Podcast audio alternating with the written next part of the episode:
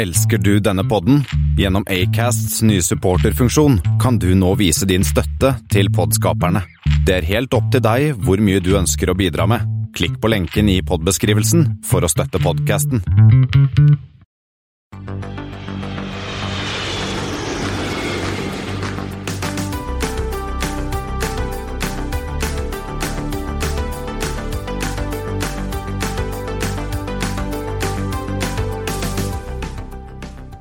Hei og velkommen til Flypoddens flight 176. Det har blitt 11. 19. oktober, og som vanlig hører du meg, Espen S, og Kristian Kamhaug. denne gangen skal vi prate med både Lars Hjort Johansen hos Air Leap og vår eh, gode venn Eivind Bjong på Røros. Eh, Men før den tid så har vi masse aktuelt. Det er passasjertall, noen nye ruter, noen mer eller mindre heldige nye fargeskjemaer der ute. Eller hva, Christian? Ja og Nei. Ikke så bra. nei. Ikke så bra. Nei. Men eh, vi har ingen ulykker. Nei, det er, det er bra.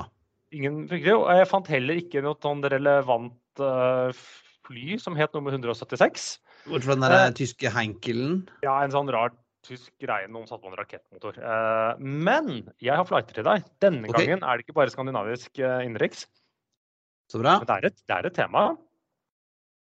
Da kan vi begynne. Den her burde du kunne, Christian. NT 176 TFN til LPA. Ja, det er jo mine gode venner eh, Binter, tidligere Binter Canarias, som flyr eh, rundt omkring med ATR-er mellom Kanariøyene. Og nå har jeg ikke vært på TFN, og det er jo Tenerife Norte eller noe. nå. Ja, og det var der det to jumbojetene krasja, var det ikke det? Var ikke det på TFS? Var ikke det på Tenerife Sør? Jeg forstod det var Tenerife Norte. ja. Ja. Tror at den lille øya har to flyplasser på hver sin side av øya. Jeg tror det. Ja. Fantastisk. Eh, og til Las Palmas, da, selvfølgelig. på Til Las Granca. Palmas, ja.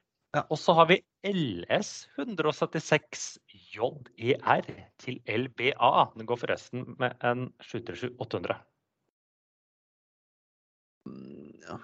Nei, den er, der er jeg blank. Helt blank. Er, det noe, er det Hellas, noe sånt? Nei, LS det er uh, Jet 2. Jet 2. OK, så vi er uh, det, Vi skal i hvert fall til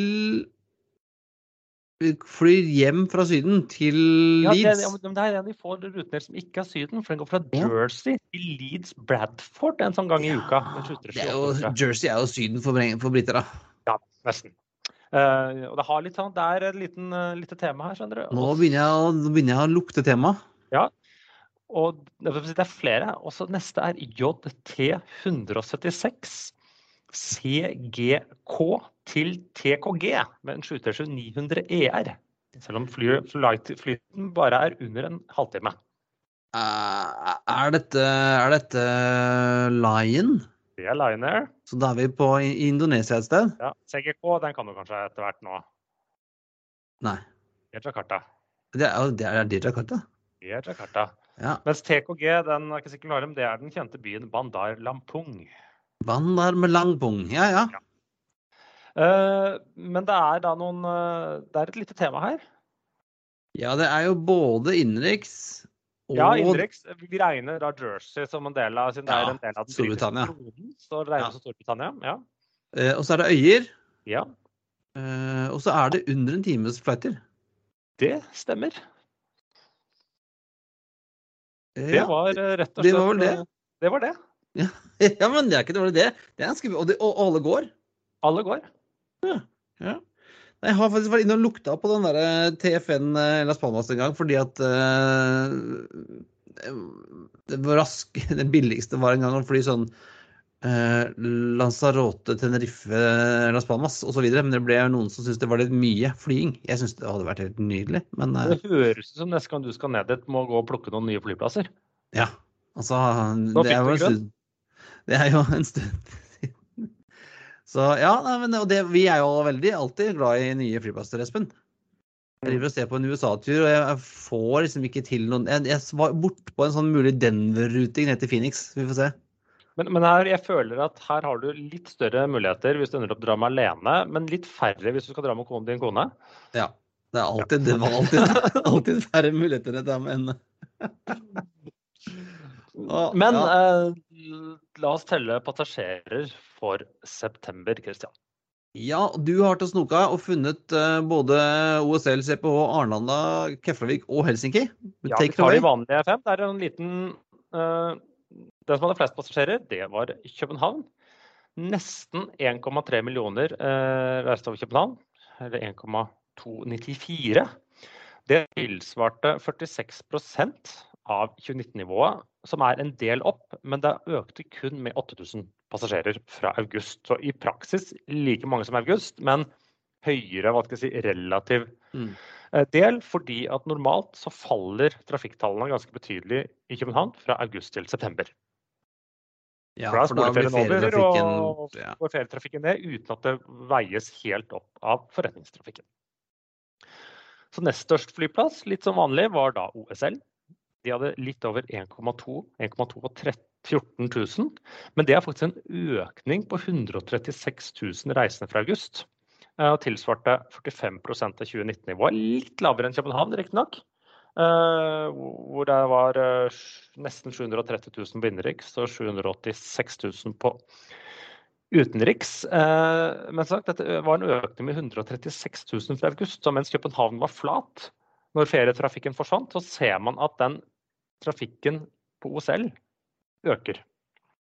Ja. Uh, utenriks eh, vokser jo mest, men det er jo fordi det er sånn, litt sånn Russian uh, russiske prosenter, for at det var lite fra før av. Men, uh, men bra vekst på innenriks. Altså, det ser jo ut som, da, som denne forretningstrafikken eller, eller altså, Forretningstrafikken er på vei tilbake igjen. Ja, Mm, jobbetrafikken.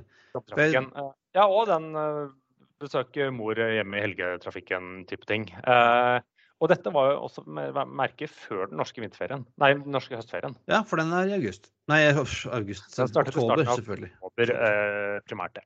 Ja. Og så kom da Arlanda. 886 000 passasjerer. Eh, 38% av 2019-nivået, altså relativt lavt. Men de hadde da 60 000 færre passasjerer enn august.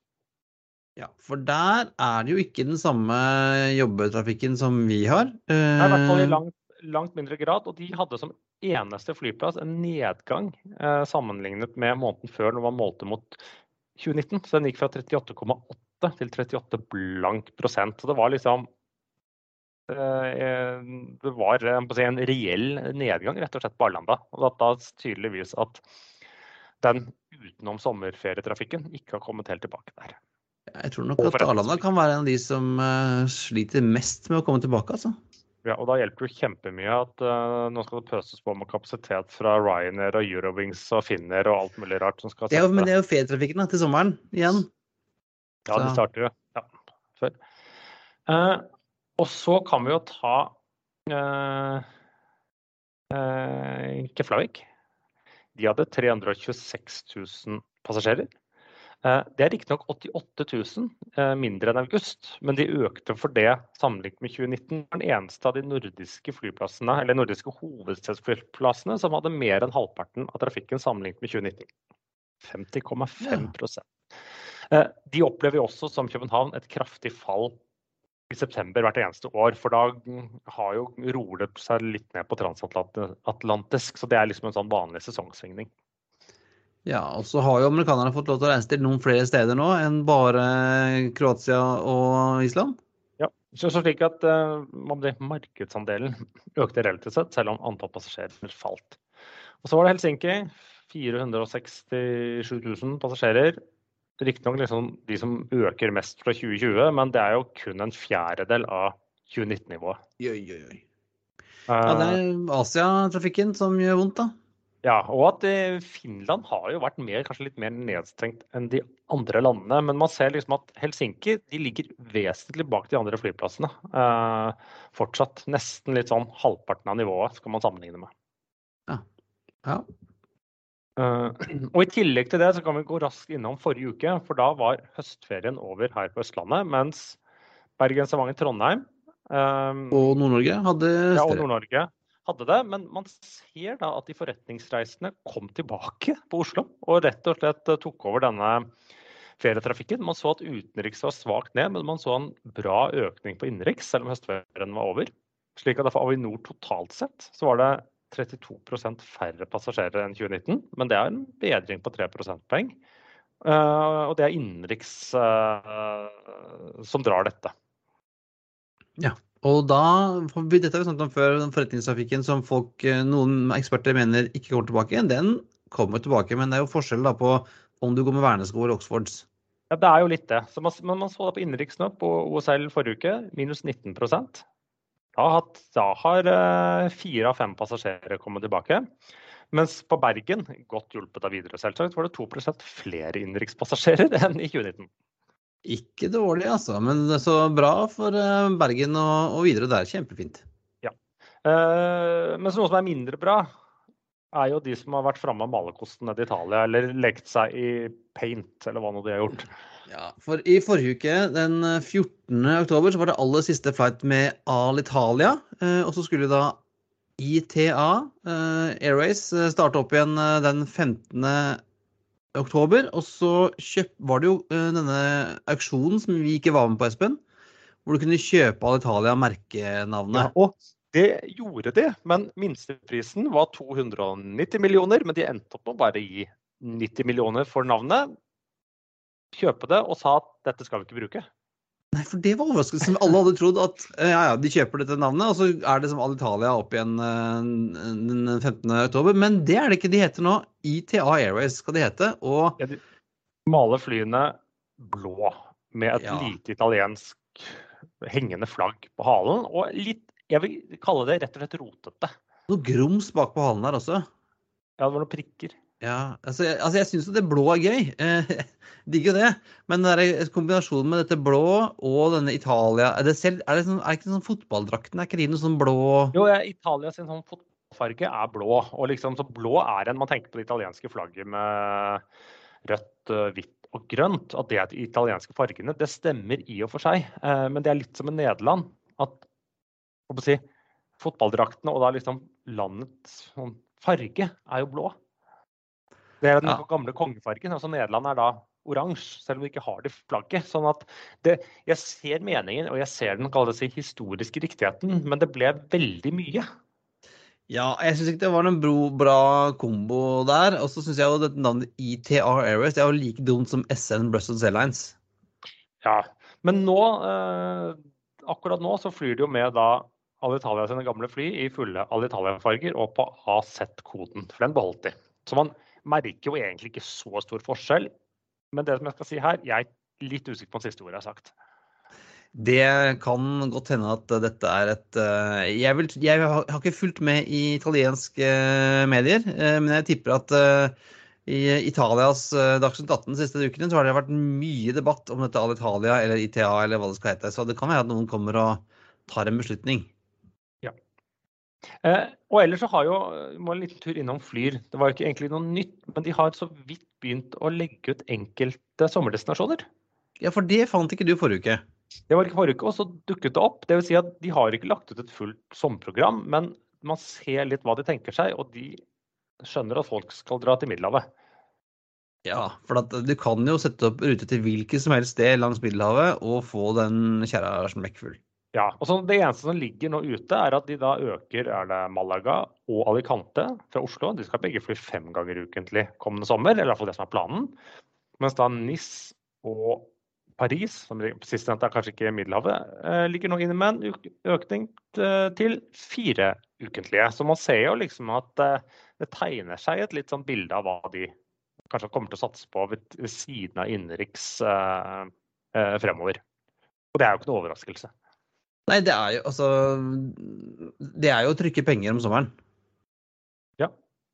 Men det er jo fem, jeg så det var fem ganger ukentlig liksom hele sommersesongen fra starten av, nei, fra starten av april og, og, gjennom hele, så ikke kun i fellesferien. Selv om da var prisene greit høye. Men det var noe ja, så, Og bra for nei, dem. det er jo, altså, det er jo ganske, ganske, mange nordmenn som har hus i Spania, særlig det området der, da. Eh, mm. Og kan liksom, hvis du er pensjonist, kan du reise når som helst.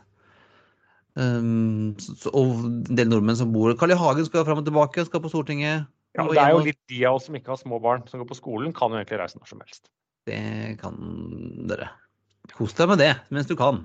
Nei, jeg kan ikke det, så jeg. Nei, du kan ikke stemme det. Nei, så er ferdig. Jeg kan ikke det. Men, eh, men det var jo ingen overraskelse. Men noe som derimot kom en liten overraskelse, var vel United.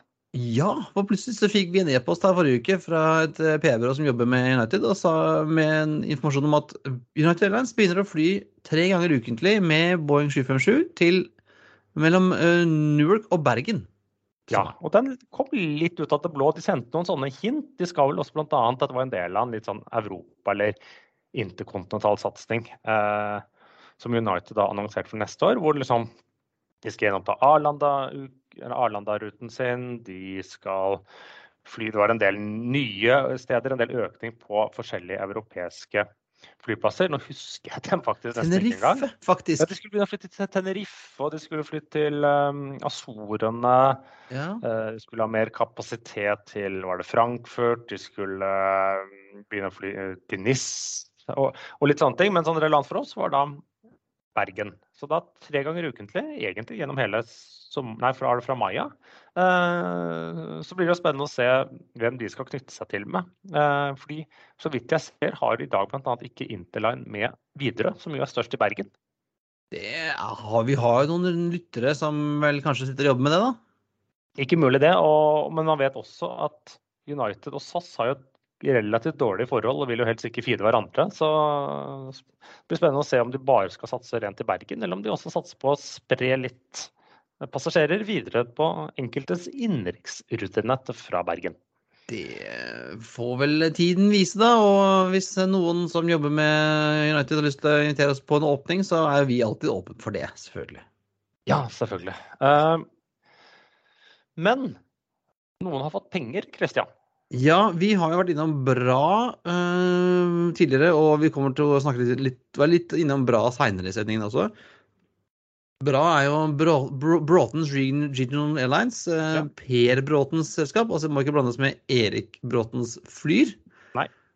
Eh, Men, og eh, men de var jo også praksis konkurs. Eller de var ikke praksis, de var konkurs. de Bra. la jo ned De stengte jo butikken i ganske lenge under pandemien, og så var, hadde de jo ikke så mye penger på konto, og nå har, Ble har og Per og så ble kvitt, gjeld, fly og en del ansatte. Så nå står det igjen mellom hva er det nå, 13 ATR 72 12 noe sånt? nå? ATR-72, som de påstår er et veldig miljøvennlig fly. Det kan godt stemme, Ja. men uh, sammenlignet med hva? Men uh, de har fått inn litt mer penger. De har fått et uh, pensjonsfond, vel, AMF. Ja, de kjøper opp, eller de trykker nye aksjer til dem, så de overtar 19% av selskapet for 200 millioner kroner. Jeg vet ikke om jeg husker ikke om det var svenske eller norske, det spiller ikke så stor rolle, men det, for de er ganske like i disse dager. Men det betyr jo at nå er selskapet priset til 1 milliard. Det er frisk prising av et selskap som for litt siden eh, var konk. Ja. Eh, Og som er i et marked som går treigt, og hvor flygskammen fremdeles herjer. Ja, Gjør den det? Jeg vet ikke man, hvordan det er i Sverige i disse dager. Ja, Det ser, men det ser jo ikke bra ut på at tallene. er De henger jo sjukt langt etter alle andre. Altså Når sommerferien er ferdig, så er det jo helt eh, Det går nedover igjen. Ja, nei, Ja. Men det er bra, det er bra for uh, Bråten at han nå har fått uh, med seg en ekstern uh, aksjonær også. Jo, dette har, Bra har jo vært heleid av, av Er det Braganza det heter? Ja, det er vel det selskapet heter, ja. Som blant annet eh, eier Som om selskapet har tapt penger, så har de jo tjent bra på Dyreparken i Kristiansand og andre delen av det konsernet. Ja, der var du og putta noen penger i år, har du ikke- det? Nei, jeg har ikke vært der på to år nå. Ja, Er da, da er det på tide. Ja, Få se. Sabeltann skal ha pengene sine, vet du. Så eh, bare vente. Ja, eh, men det er jo bra. Vi får se da om, om dette betyr med friske penger i kassa, om det nå blir noen jetmaskiner igjen, eller om de skal fortsatt eh, surre rundt med ATR-ene. Jeg lurer på om de er litt sånn back to basis. ja, og da har disse ATR-ene funnet ut at det, det kanskje er mest lønnsomt for dem. Og da kan de si at de bruker litt mindre drivstoff enn hadde de fløyet jet. Og at de kanskje ikke har noen sånne realistiske forhåpninger om eh, Nordens herredømme. Nei, det kan jo kanskje være smart. Jeg, men jeg, altså, jeg er veldig Jeg lurer på når, om vi noen gang får noe samarbeid mellom Flyr og Bra. Ja. Det hadde jo vært altså Dette kan iallfall inngå en avtale her på familiemiddagen på søndager. Så hvis, de, hvis de har det. Ja. Og en annen Vi har jo vært litt innom det før, Espen, at, at det blir veldig mye Det skal flys bra med hull i lufta i Sverige neste sommer, med alle selskapene som skal inn der. Men nå kommer jo også tyrkiske Korendon inn i Danmark. Tyrkisk slash nederlandsk slash Ja, eller de sto at de skulle starte 22 danske ruter til sommeren og ha to danske baser. Men jeg lurer på om dette det er ikke helt klart for meg, for jeg tror ikke dette er snakk om en klassisk base hvor du sender noen fly, har ansatte. Så jeg lurer på om dette er en slags si, base i veldig store hermetegn. At det, eh, at det, er litt sånn de skal sette opp et lite ja, Kan noen fly som starter ut fra Danmark litt i sommer. Ja, under ferien ja. eller noe sånt. nå, At det ikke er et sånt reelt base. At det er å ta i litt. Ja, jeg var inne og kikka litt, og det, det viste seg at det er København og Billund som får flyvninger. Og det er jo uh, Tyrkia, selvfølgelig, men også ganske mange stasjoner i Hellas og Spania. Fra Billund er det bare Palma, men fra København er det uh, både, ja, både fastlands-Spania og Kanariholmene. Men hvor mye av dette gjøres på si, egen kappe, og hvor er det litt sånn samarbeid med ymse danske reisebyråer og turoperatører? Det er da de sier at dette er både ruter og uh, charter for danske turoperatører. Som nå, nå måtte finnes en andre jobb med, nå som Great Dane gikk under. Men eh, jeg vet ikke hvor mye altså, Det sier at det er 22 destinasjoner og 44 ukentlige avganger. Så det er sånn to, hver, to i uka maks, da, eller noe sånt. Du trenger jo ikke fem daglige når du skal sende folk på ukesferie. Nei. Eh, men altså, Spania er jo litt annerledes enn Tyrkia. Tyrkia er jo en uke, en uke mens eh, liksom Spania Palma burde vært sånn helgegreie. Ja. Eh, men så var det spennende å se hvor mye av trafikken som da kommer tilbake og klarer å absorbere denne, men uh, det, og blir jo, også, det blir jo, blir jo, veldig trangt, da. Altså, er det, har SAS uh, og Norwegian vært litt for treige med å komme i gang igjen, siden alle disse utenlandske nå bare suser inn i Norden og skal ha plass? Ja, si det. Det er i hvert fall viktig neste år å ha kontroll på både kostnader og ha et rutenett. Uh, som fungerer. Eh, og Det tar oss litt over til neste punkt. For det er jo noen som da sliter har mer Problemet er ikke at de har for mange fly og for mange ansatte. Og apropos ting som fungerer. Nei, for at, jeg eh, vet ikke om noen har fått med seg, men altså i forrige helg, eller helgen før forrige helg, som var det, to uker siden ja, en uke siden. Nei. Ja, så hadde Southwest Airlines en fullstendig meltdown i, på hele nettet sitt. De hadde forsinkelser søndag kansellerte over 1000 fly. Ja. Eh, det starta vel på fredagen, eh, hvor det var eh, litt sånn perfect storm, for da hadde de eh, Det starta i Florida. Florida hadde dårlig vær, eh, og så var det en militærøvelse utenfor østkysten som gjorde at en del av dette luftrommet som man ville ha fløyd rundt været med ute i havet, det var stengt. Ja. Så da måtte man fly innenfor eller ikke fly. Og så var det litt sånn Var det et eller annet Florida ATC-senter som hadde lite folk? Ja, en liten, bitte liten periode. For det var jo det. Southwest prøvde seg med spansken og sa at det var dårlig vær og det var mangel på flygeledere. Så derfor, to dager etterpå, kansellerer vi 1000 flytter. Ja, de hadde vel noe sånt som en, en 25 av nettverket var, bort, var ute liksom, av drift på søndagen. Eh, og da var det jo strålende vær i, i Florida. Og Eh, FAA hadde folk på plass, og alt var eh, egentlig ja. bra. Eh, så viste det at det, det var jo ikke Altså, problemet er at Southwest Airlines har, som mange andre kanskje, bygd et nettverk nå som er avhengig av at alt går på stell for at det skal funke. Ja, de mangler rett og slett folk. De har ikke noe backup, eller noe, ikke backup, eller noe sånne noe å gå på. Så det samme skjedde så man jo med da Spirit for en måneds tid eller to måneder siden. Og så når det først skjer en liten krusning, så bryter rett og slett hele nettverket sammen. Det er rett og slett det man kan man si. Ja, for det var både at Vi hadde jo ikke piloter på ett sted, flyene var ikke på ett sted, eh, bakkemannskaper var ikke nok. Eh, det ble fullstendig meltdown. og Det sier jo både foreningene også at og pilotene sier at det, her har man bare bygd et nettverk som er altfor tight. Det det er ingen slingringsmonn. Ja. ja. man har rett og slett kutt, og det ser man jo andre steder. og Det tror jeg man fort kan oppleve også her i Europa. Nå går vi jo litt inn mot en litt roligere tid med vinteren og sånt, men man, når man da begynner å rampe opp, og så, har man, så setter man kanskje opp flere avganger enn man glemmer at man har kanskje folk til å operere, eller antar at det ikke kommer en eneste sykemelding, eller at det ikke kommer en liten regnbyge eller en tåkedott et eller annet sted, og så vips, så blir fly og mannskap enten på feil sted eller rett og slett mangler. Ja, og så hørte jeg også at, at FAA, altså som har ansvaret for flygeledertjenesten, de pleier jo alltid når sånne ting skjer, så sier de at ja, men vi har forsinkelser og møte opp til vanlig og kontaktflyselskap og sånn. Men nå det så, ble de så pissed av at, uh, av at Statfest skyldte på dem, så de gikk ut og sa at uh, Nei, her var det faktisk ikke deres feil. Dette, vi, vi FAA vi kan stelle ikke flighter, det er det flyselskapene som gjør. Ja. Uh, her funker det som det skal. Eh, har du et problem, så må du ta det til med flyselskapet ditt. For at eh, vi leverer. Så det, det er liksom en litt ny, ny, ja, ny takter. Rett og slett satte skapet litt på plass der. Ja, ja altså jeg kan jo skjønne når de får, får som skylda for eh, at ting ikke funker, så er det selskapet som har sånn skedulert feil, da. Men uh, kunne du tenkt å kjøpe et selskap, flyselskap i Romania, Christian? Uh, jeg har jo vært i Romania. Jeg har ikke kjøpt noen ting i Romania.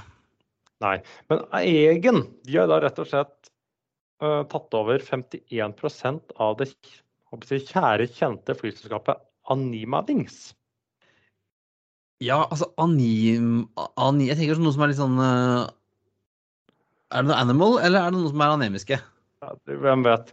Men de har i hvert fall de har drevet med det de kalte leisure flighter fra Romania. Og da har eh, jeg funnet et sted å bli kvitt litt kapasitet. Så de skal da begynne å fly litt for dem og i samarbeid. Så de sender da tre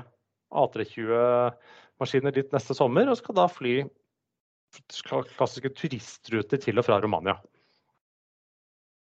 Ja, og jeg har uh, faktisk en uh, tidligere kollega i Romania. Hun har reist ganske mye rundt omkring, så de har liksom ikke hatt den samme lockdown-følelsen som oss. og Det er kanskje behov for at det er flere rumenere som vil reise rundt omkring da, enn en grekere? Ja, det, det gjenstår å se.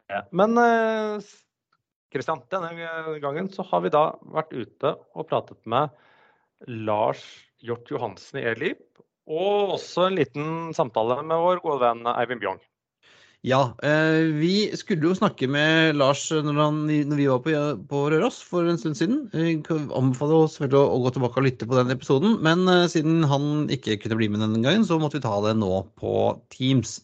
Uh, og så før, før, vi spiller av denne, så må vi jo Teams funker jo vanligvis veldig bra, har vi jo sett nå i halvannet år. Men akkurat i dag så var det litt delay, og vi, har, vi snakket litt i munnen på hverandre. i denne... Ja, lite, lite hender det kommer noen forsinkelser og litt, uh, litt, uh, litt oppå hverandre. Får skylde på telelinjene hos noen. Uh, men, men, det var uansett et intervju. Vi fikk jo litt, noen nye ting, så skal vi bare høre på. Det gjør vi. Jespen, for litt siden så var vi på Røros. Ja, og da må man jo fly Elib. Ja, og da skulle vi snakke med Lars Hjort Johansen. Skulle vi snakke med han, ble ikke med på turen. Nei, så da har vi eh, jaktet han opp i ettertid. Hei, Lars. Velkommen til Flypodden. Hei, Kristian. Og hei, Espen. Tusen takk for det. Kan ikke du sånn kort introdusere deg selv? Hva, hvem er du, og hva er det du gjør i Air Leap? Er ikke Air Leap et svensk selskap, egentlig? Jo, det, stemmer. Uh, ja, jeg heter da Lars, er 29 år gammel og bor i gamlebyen i Oslo. Og driver vel det jeg kaller for Air Leap uh, avdeling Oslo.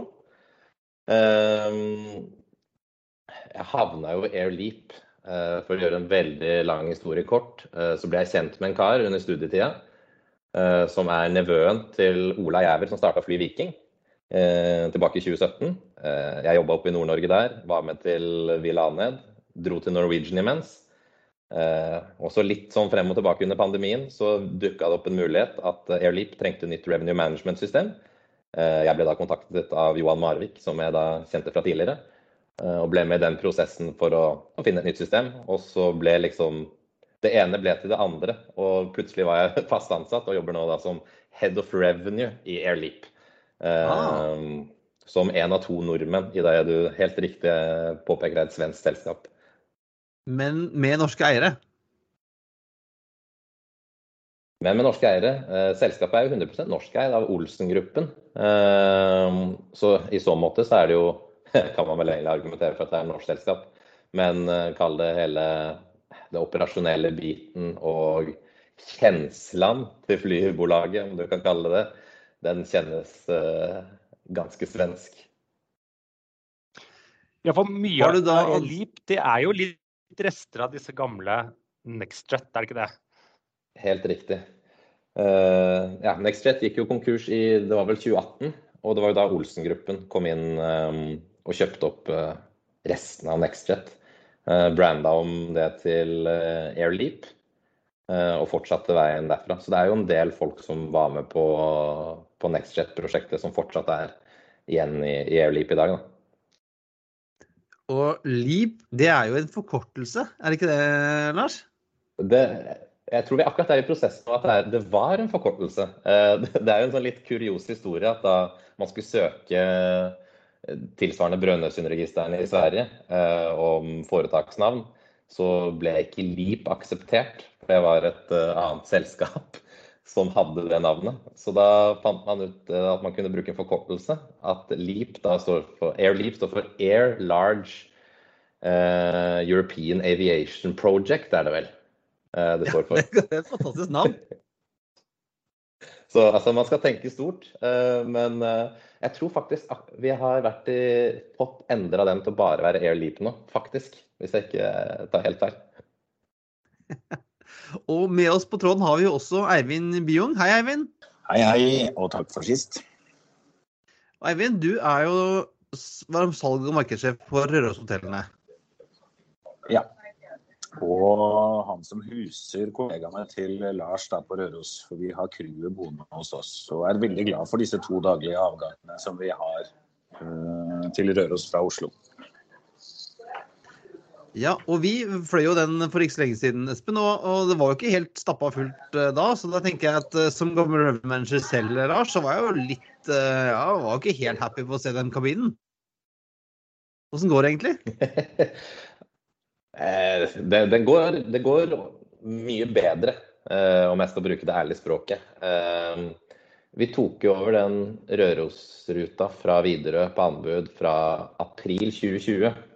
Så det var jo et perfekt tidspunkt å skulle starte som nytt flyselskap på en flyrute. Og den kom vel aldri ordentlig i gang. Flyruta gikk jo gjennom pandemien med litt forskjellige løsninger med mellomlandinger på et fly som skulle opp til Ørland, der Airleap fløy fra før. Og et produkt som ikke var helt optimalt. Men vi har begynt å komme i gang nå. Vi ser at det er en jevn økning. Fortsatt et stykke igjen til at vi kan si oss fornøyd. Men at vi begynner å få i fall flere og flere enkeltavganger som fyller seg opp. Flere fra lokalt næringsliv som reiser med oss. Vi ser at vi får flere gruppebestillinger inn. Så at pila peker i rett, riktig retning, er, er det ingenting å si på. Ja, for Nå snakker vi jo litt om Rørosruten deres si, spesifikt. Men det er jo en litt si, spesiell rute kontra de aller fleste i verden. For det, slik jeg forstår det, så er jo dere nett og slett, dere og Røros er jo rett og slett avhengig av å samarbeide litt? Ja, vi er, vi er jo egentlig det. Og altså, vi, vi har jo et ganske vi snakker jo jevnlig både med flyplassen og, og, de som jobber rundt i næringslivet der. Og det er jo et, et samfunnsmessig oppdrag vi må opprettholde på Røros også, for at det skal være en flyrute der i fremtida. Eh, som gjør det desto viktigere. At det er jo, det er jo ingen, det er vel ingen menneskerett at det er en flyrute, men det er jo absolutt et behov for det. Men det, da må også markedet vise at uh, man ønsker å fly. Og så må Eivind uh, selge hotellsenger, sånn at folk har en grunn til å reise dit. Ja, og selv skal jeg opp dit sånn annenhver uke. da, så Neste uke så er det to turer på meg. Og Sist gang jeg fløy forrige uke, så var faktisk flere av setene opptatt enn ledig. Så det er hyggelig for meg å se. Og så håper jeg at de fleste skal bo hos meg, da. Og det har jo, nå, nå går det, når vi fløy, så var det jo gitt med en Saab 340, men uh, Elip har jo liksom litt av hvert forskjellig kapasitet. Det har jo vært Saab 2000 tidligere, og dere har jo ATR 72 i, i Sverige. Um, men det er fortsatt uh, en classic 340 på, på Røros uh, framover? Enn så lenge er det en uh, classic 340 på, på Røros. Uh, ja, jeg kan jo ta også bare kjapt. Vi har jo nå vi har jo noen avganger som er litt fullere enn andre, noen som er litt mindre. Men uh, nå fyller vi jo i snitt ti seter av de 33 stolene som er om bord på, på Røros. Så i gjennomsnitt så vil man iallfall se et hode per rad, da, i og med at det er tre seter uh, på hver rad. Men hvordan vi løste den problematikken er jo litt, litt artig. For vi, som sagt, vi har jo en del forskjellige flytyper. Uh, Saab 340 og ATR som er på egen AOC. Og så har vi hatt noe 2000 på wetlease. Uh, og under pandemien så ble det brukt en 2000 som gikk fra Ørland og stoppa på Røros og ned til Oslo. Uh, det funka ganske dårlig uh, da det er en del tåke på Røros, og vi er avhengig av et nattparkert fly der.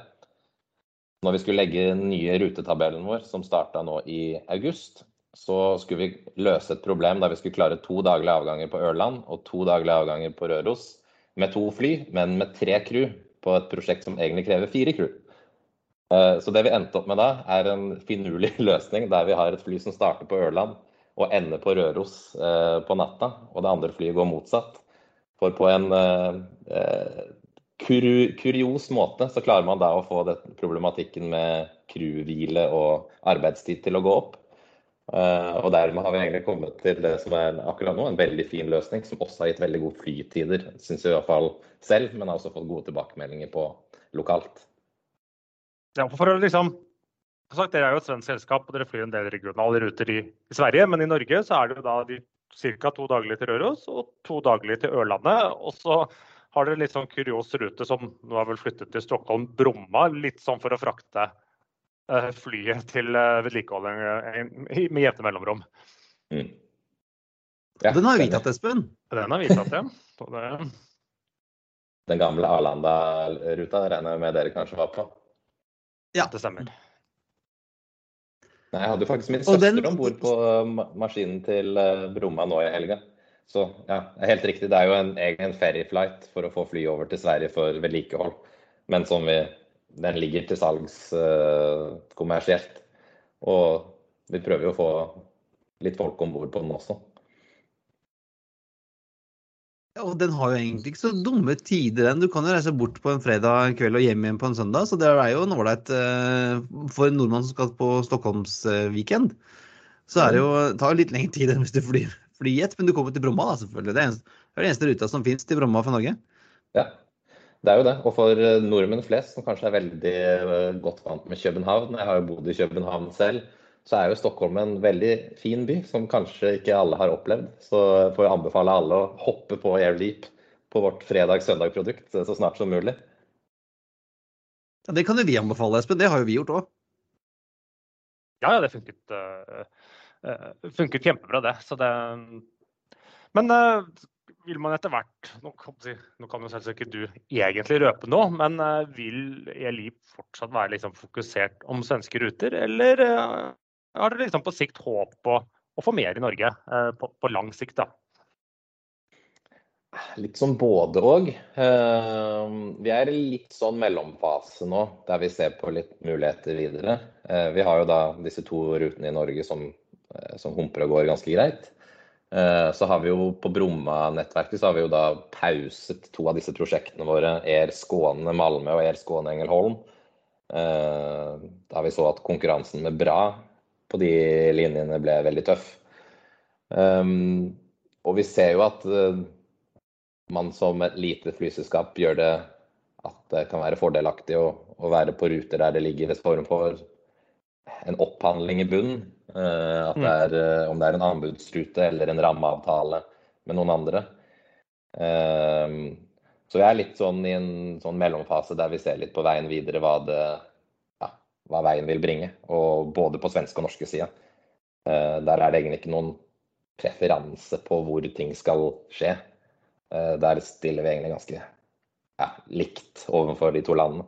Ja, for det, for det, var jo det som ble etablert i Sverige. Så er det da liksom E-Leap, og så blandes det sånn som du sa, nå var det sånn Skånefly og Halmstadflygel og Gotlandsfly. og, og omtrent ja. hver, hvert lille fylke hadde sitt eget flyg.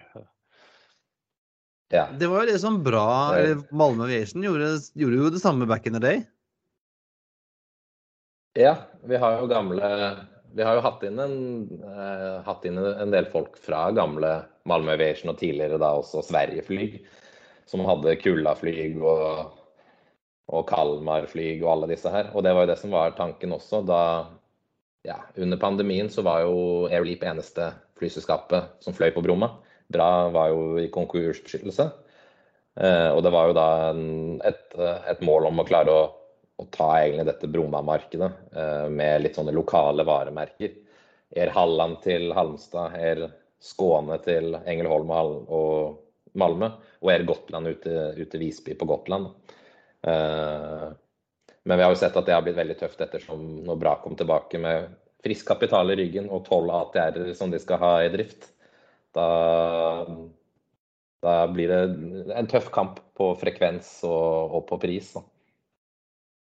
Ja, hvordan, hvordan, ser flåten til Airleap ut nå, med, altså er på egen produksjon?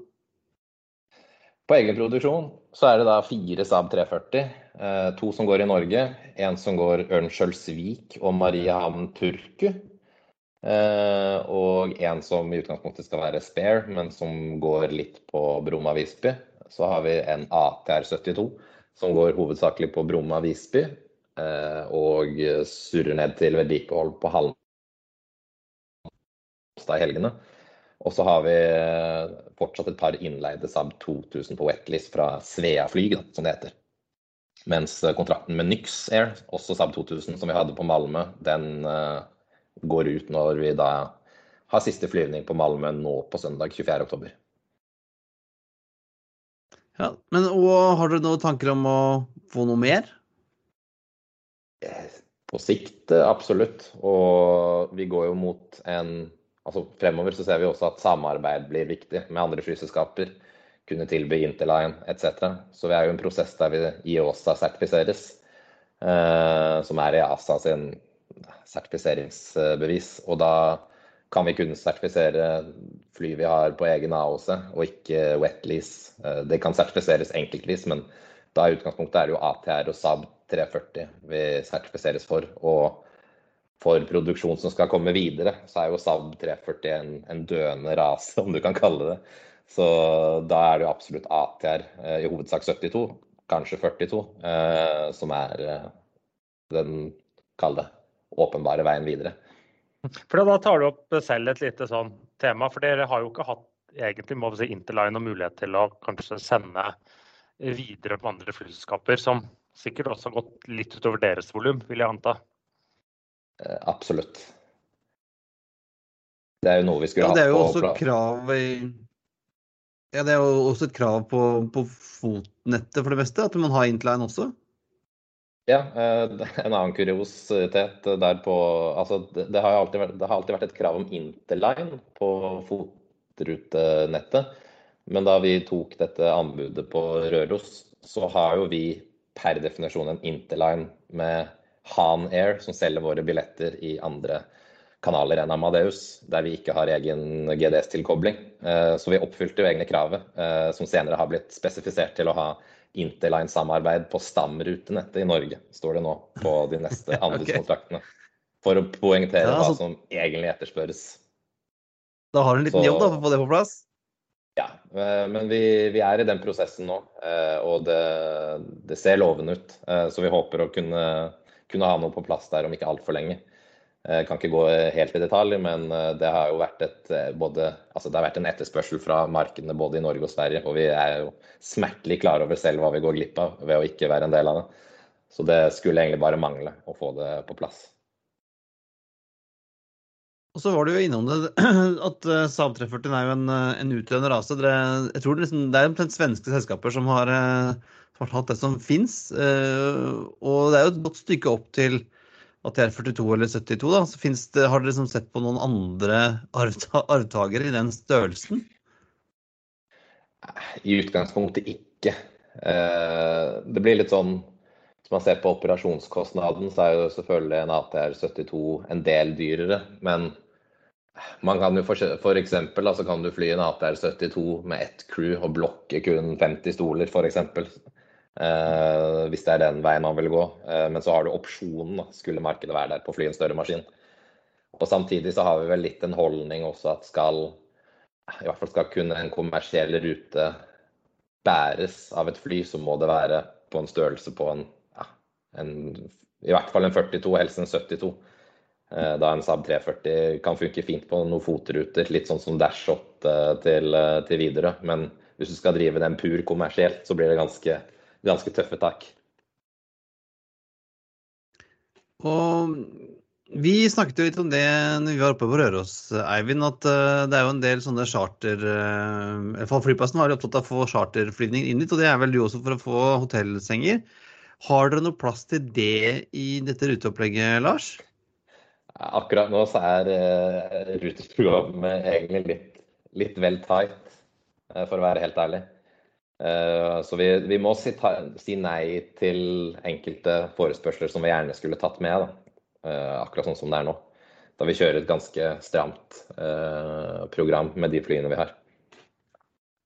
Men det er også et håp i fremtiden å kunne ha en litt mer tilpasset flåte med spare-fly som står på riktige steder, som man kan bruke også til sånn overskuddskapasitet da, på f.eks. sånne charterforespørsler.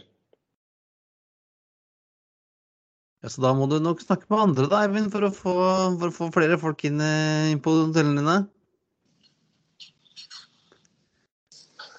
Ja, nå tror jeg at jeg skal få til mye med Lars også. Uh, og nå kommer det julemarked i desember og Martenland i februar. Så der kan kanskje de sabbene som allerede er i Norge, fly noen ekstra runder. Uh, og det ser jeg frem til. Hvor lenge, hvor lenge har dere igjen av um, Hvor lenge har dere igjen av uh, FOT-avtalen nå, Lars? Når er den opp, kommer opp igjen til, nytt, uh, til ny konkurranse? Eh, den på Røros vel, kommer vel da på konkurranse. Jeg skulle tro da ja, rundt nå, oktober-november 2023. Så vi har jo den ruta da til 31.3.2024. Da er det vel gått fire år på den kontrakten. Uh, mens nå på trappene så ligger jo da dette Nord-Norge-anbudet uh, med frist 30. 30. november blir det vel. For oppstart da i 1. april neste år. Så du sitter og regner på det nå, eller Lars? Ja, sitter og ser på alle mulige, mulige løsninger. Det, det, må man jo gjøre. Uh, og som jeg sa i sted også, vi, vi ser, jo på, vi ser jo på hva vi driver med i dag, og hva som funker og hva som ikke funker. Eh, og det er jo ingen hemmelighet at å, å se på flere fotruter absolutt er noe man eh, vurderer. Det, det syns, det syns vi alltid er spennende med nye aktører, Espen. Syns, vi ikke det? Jo, absolutt. Så det heier på alle som, som ønsker det her. Men vi har jo litt, eh, noen faste spørsmål som vi uh, gir til våre gjester. Så skal vi kanskje ta de, Kristian? Ja, da, da, kan vi, skal vi ta, vi tar både på Lars og Eivind, vi da. Eh, Lars, hvis ja. du eh, Hva er din favorittflyplass? Oh. jeg kunne sagt mye fancy om kanskje mange andre flyplasser. Men jeg er så kjedelig at jeg velger å si Oslo lufthavn. Av den enkle grunn at jeg kjenner den flyplassen inn og ut som min egen bukselomme. Og kan møte opp akkurat i tide til flyet hver gang. Eh, jeg bor kvarters gange unna Oslo S. Eh, så jeg, jeg, kan kjøre en sånn skikkelig tight operasjon for meg selv når jeg skal ut og reise. Og akkurat den der fleksibiliteten å ja, kjenne til Oslo lufthavn, den, den har jeg ikke noe annet sted. Så det, ja, det blir nok Oslo. Ja, men det, ja, men det, det har vi jo snakket om før, at Oslo lufthavn er jo faktisk en veldig effektiv eh, flyplass. og Jeg husker jeg hadde en kollega som jobbet sammen i Stockholm. Vi gikk av flyet, så kunne hun se på at vi kom inn på gate 42. Ja, men da rekker jeg ikke flytoget. For hun hadde liksom visst akkurat Hadde kommet lenger inn, ja, kunne hun rekke det. Um, så det går jo innmari fort der. Kan vi spørre deg, Eivind, hva er din, hva er din favorittflyplass? Ja, hvis jeg satser på at han i tårnet på Røros ikke hører på denne episoden, så sier jeg Roma, for da er det starten på enten noen veldig gode ting som skal komme, eller så er det farvel til minner, som har vært veldig bra. Har du noen uh, preferanse der? Eh, Fumicino eller hva heter den andre? Ja, det er bare Fumicino. Det er, det er Rainer ja. noen andre, så dit drar vi ikke. Og så kommer jo det litt enkle ja-nei-spørsmålet, nesten. Vindu eller gang? Begynn med deg, Lars. Ja, det er vindu. Jeg må, må, sitte og se ut. Det kan være convenient i midtgang, men må jo få med seg omgivelsene utenfor.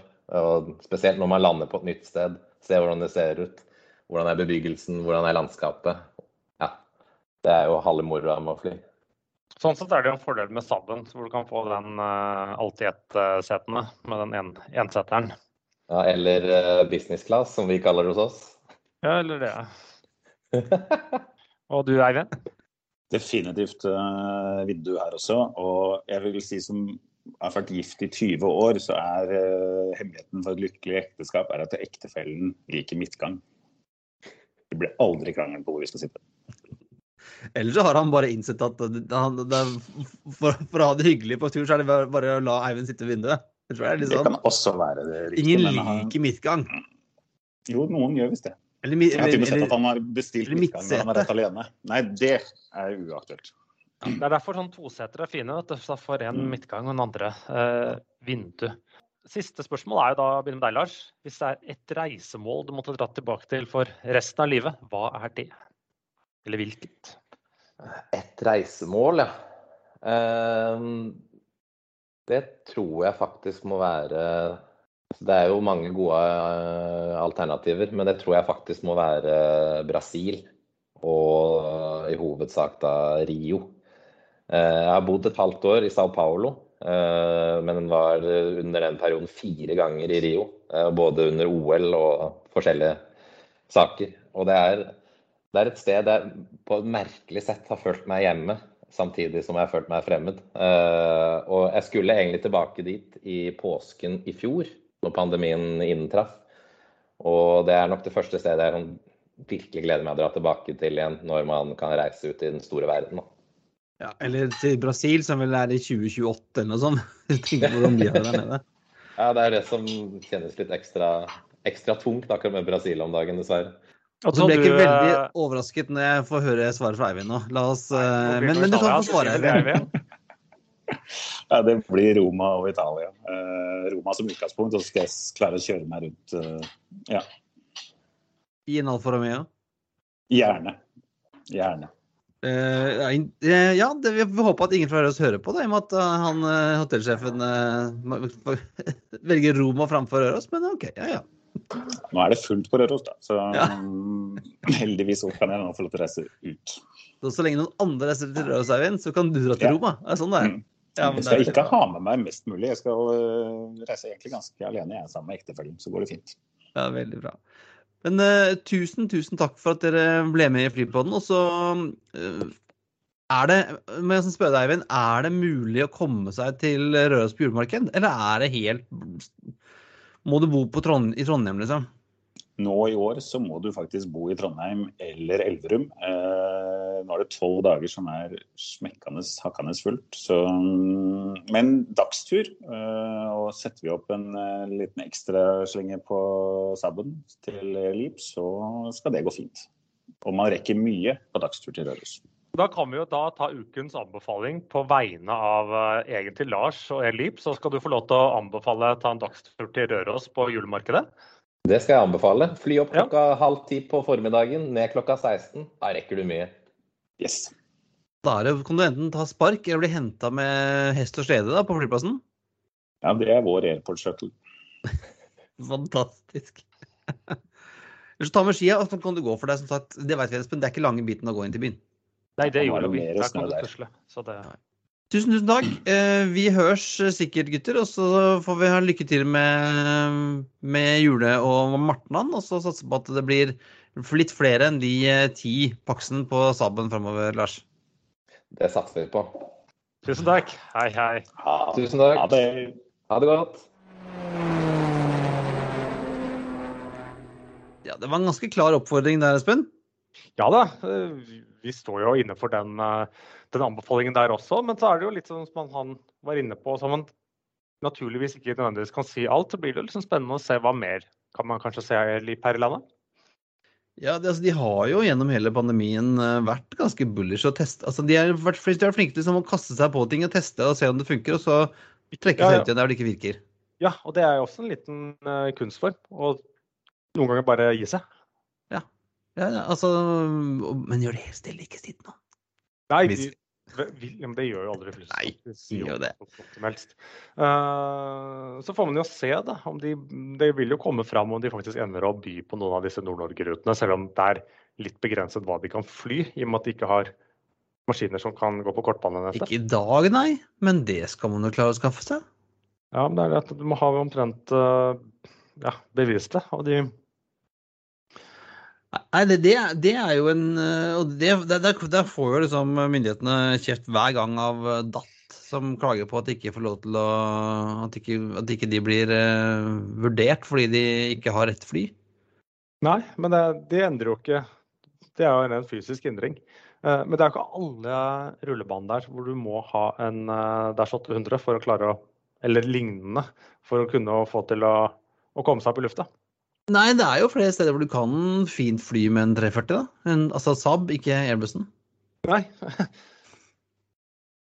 ja, det, det, vi, det er vel bare å følge med på hva som skjer med Air Leap. Uh, nå har de jo gått, gått bort fra at det skal være et large European airline project, men uh, at de er i vekst, det er det ingen tvil om. Nei. Så det blir uh, spennende å, å se. Og ikke minst den at de hvordan det vil, eh, som han var inne på, at de innrømmer at de jobber med og trenger kanskje litt sånn interlining med andre folk for å liksom kunne tilby en reise til f.eks. Røros fra via, eller hvis folk skal videre fra Bergen eller Stavanger og sånt, og ikke bare liksom kunne fly Oslo mm. på separate billetter. Ja. ja. Uh, og anbefalingen stiller vi oss uh, bak 100 ja. Røros er et fantastisk morsomt sted å dra. Og Airleap er koselig å fly med? Ja, man må enten nå dra på dagstur hvis man skal dra nærmeste tiden, eller så må man være faktisk litt tidlig ute med å bestille. Ja, eh, for at eh, det er, blir fullt på hotellene der oppe. Og det er både julemarkeder og martna og greier. Men eh, ja, dagsturen kan man anbefale, for du, du får mye ut av dagen. Ja, ja. Det er jo så sentrumsnært at du tusler bort. Så det. det tar med deg et rørospledd hjem, og ja, det blir så fint, så. Ja, men da tenker jeg det var, det var det for denne uken, Espen. Da er det på tide å feste sikkerhetsbeltet og sikre fri sitt fra vinduet og ta bort uh, drinken og pakke sammen PC-en og sånn, uh, ettersom flight 176 er på vei inn for landing. Som vanlig finner du linker til det vi har snakket om i dag på flypodden.no. Du finner oss også på Facebook, på Twitter flypodden og Instagram flypodden og på LinkedIn. Har du spørsmål, vil du invitere oss på flytur eller sponse oss, er det bare å sende oss en mail på hallo at flypodden.no, eller send oss en melding på Facebook-siden vår. Det er også greit. Ha det bra. We thank you for flying with us today. We truly appreciate your business and look forward to serving you on a future flight.